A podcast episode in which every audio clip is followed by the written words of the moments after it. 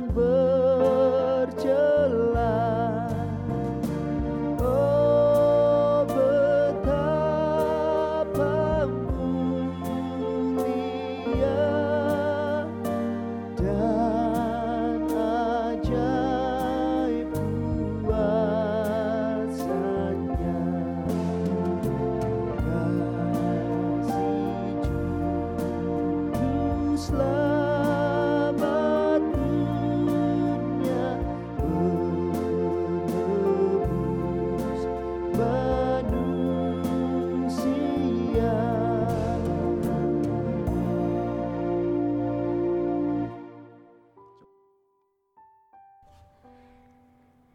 Teman-teman, hari ini adalah hari yang ketiga dari proses kita.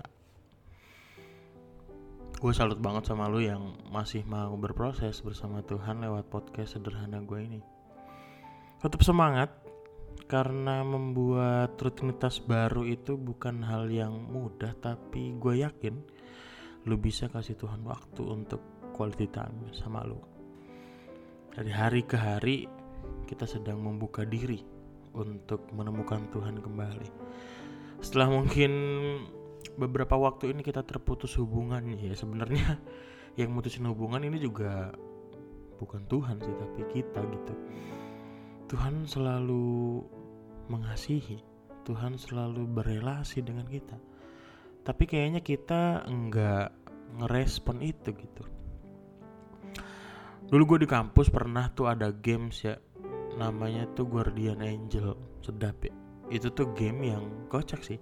Kita diminta untuk memberikan perhatian ke salah satu orang sesuai tenggat waktu. Jadi ada tenggat waktunya gitu terus uh, kita diminta untuk kasih perhatian. Bentuk macam-macam.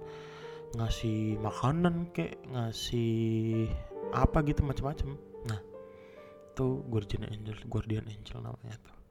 Nanti di ujung permainan kita bakalan diminta untuk menebak siapa nih guardian angelnya gue? Gitu. Ya ini bentuk gamenya macam-macam ya tapi waktu itu gue dapetnya yang kayak gitu gitu. Nah ini kayak Tuhan ke kita. Dia selalu memberi banyak hal. Berkat penyertaan macam-macam. Yang kita nih nikmatin tiap hari lu lu nikmatin tiap hari tuh itu berkat-berkat dari Tuhan penyertaan dari Tuhan segala macam macam-macam tapi kita nih suka pura-pura nggak tahu atau emang nggak mau mengakui gitu. Kalau itu tuh dari Tuhan. Kesel nggak lo nggak dianggap. Kesel kan? Tapi Tuhan enggak. Dia menunggu kita buat menganggapnya ada ini bedanya. Nah pasti lo juga pernah dengar istilah domba dan padang rumput. Itu dua hal yang penting tuh. Selain dua hal itu juga ada gembala tapi ada satu hal penting yang kadang kita lupa, pintu. Pintu ini menarik nih ya buat gue ya. Kebanyakan kita masa kini tuh menjadikan pintu ini alat untuk berlindung dari dunia luar. Sebuah batas yang jelas selain tembok gitu. Pintu kosan tuh salah satu batasan jelas. Di dalamnya kita nggak tahu ada apa. Ada berapa orang, lagi ngapain? Kita nggak tahu. Bahkan kadang pikiran kita nih dibuat berasumsi banyak hal apalagi nih ya kalau di depan pintu kosan itu ada sepasang sendal pria dan sepasang sendal wanita. Wah kita menebak dengan liarnya. Nebak nebak nebak nebak ternyata memang itu sendal yang tertukar waduh. Tertukar maksudnya sendalnya emang lagi lagi ketuker salah pakai biasa pintu ini penting tapi suka terlupakan pintu ini udah berat sebelah gitu. Padahal pintu ini punya dua makna selain membatasi yang di dalam dan yang di luar tentu saja tapi dia juga menjadi penghubung. Kalau lu mau keluar ya lewat pintu itu. Menghubung antara yang di dalam dan yang di luar. Gembala mungkin kita udah pada tahu udah sering banget dibahas. Domba juga kita udah pada tahu sering banget ini dijelasin. Tapi pintu dan padang rumput ini adalah dua hal yang menarik di bacaan kita kali ini. Gue ngajak kita fokus ke sana. Gue bacain ya dua ayat dari leksionari kita hari ini. Dari Yohanes 10 ayat 9 dan 10 Akulah pintu.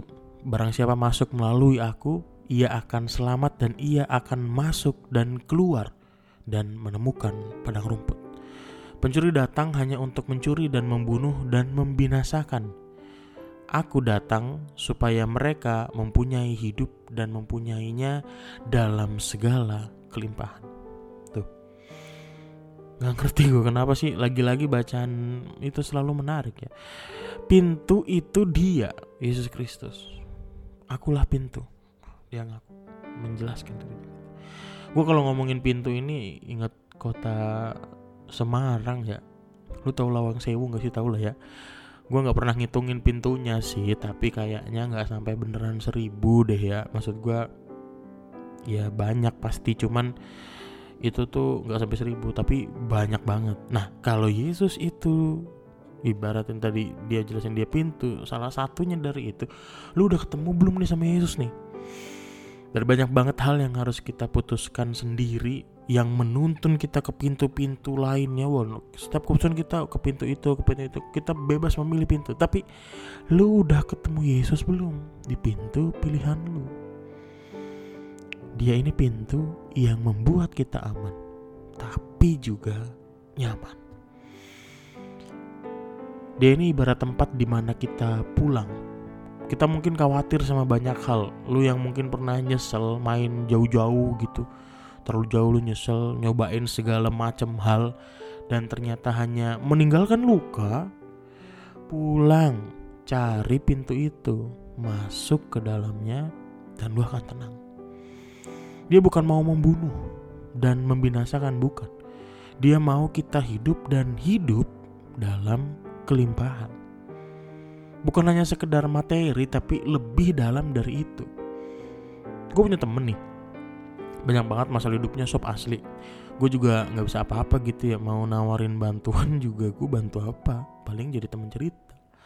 Satu waktu dia ketemu jawaban katanya sih ini jawaban dari permasalahannya. Apa itu? Lingkarannya maksudnya circle-nya teman-teman di sekelilingnya lah.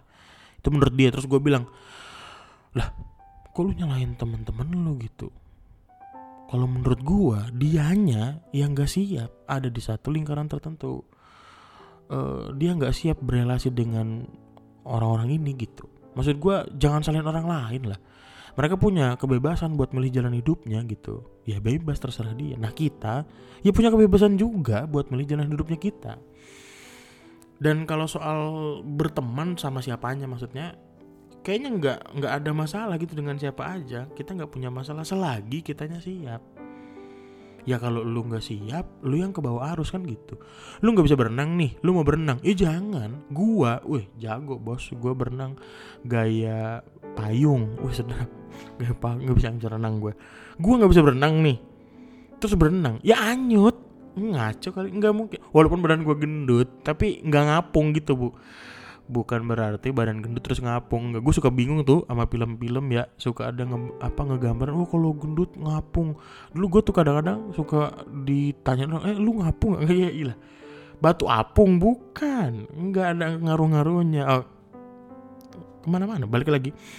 Maksud gue jangan salahin hidupnya uh, jangan salahin relasi orang lain uh, pilihan hidup orang lain. Kita punya pilihan yang bebas gitu. Jadi kalau kita siap ya nggak ada masalahnya berrelasi dengan siapa. Mungkin lu juga orang yang nggak siap menghadapi dunia tadi. Coba deh kalau emang lu rasa lu punya masalah lu rasa lu uh, kesulitan gitu berrelasi ataupun juga kayaknya lu terlalu terbawa arus mungkin emang lu nya yang nggak siap. Nah kalau lu menyadari lu nya nggak siap coba deh balik ke Tuhan dan mulai satu proses menyiapkan diri. Lebih lagi dari biasanya. Di luar sana ada padang rumput banyak banget. Gua ngegambarin padang rumput ini sebagai kumpulan dari hal baik. Banyak banget padang rumput. Tapi kalau lu nggak siap buat menikmati itu, ya hal baik itu akan jadi buruk gitu. Pertama, temuin dulu pintunya. Mulai masuk ke dalam dan cobalah untuk siapin diri.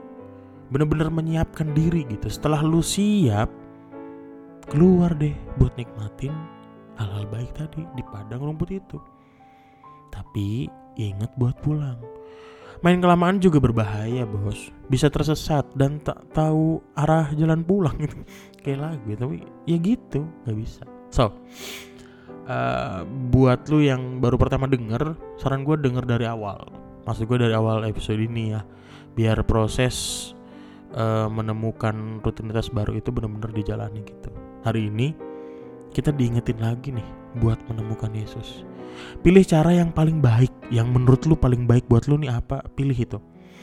Pilih waktu yang paling nyaman, yang menurut lu nyaman lu kapan dengerin ini. Kalau lu emang pilih podcast gue ini, lu nyamannya dengerinnya kapan? Nah pilih waktu itu yang nyaman buat lu. Semoga proses kita berjalan lancar. Podcast ini bakal gue bagiin tiap hari di sini. Lu bisa dengerin kapan aja Semoga bisa jadi sapaan iman buat lu. Kalau rasa ini baik, silahkan bagiin ini ke banyak orang. Biar makin banyak orang yang berakrab sama Tuhan dari hari ke hari. Sampai besok Tuhan sayang kita. Amin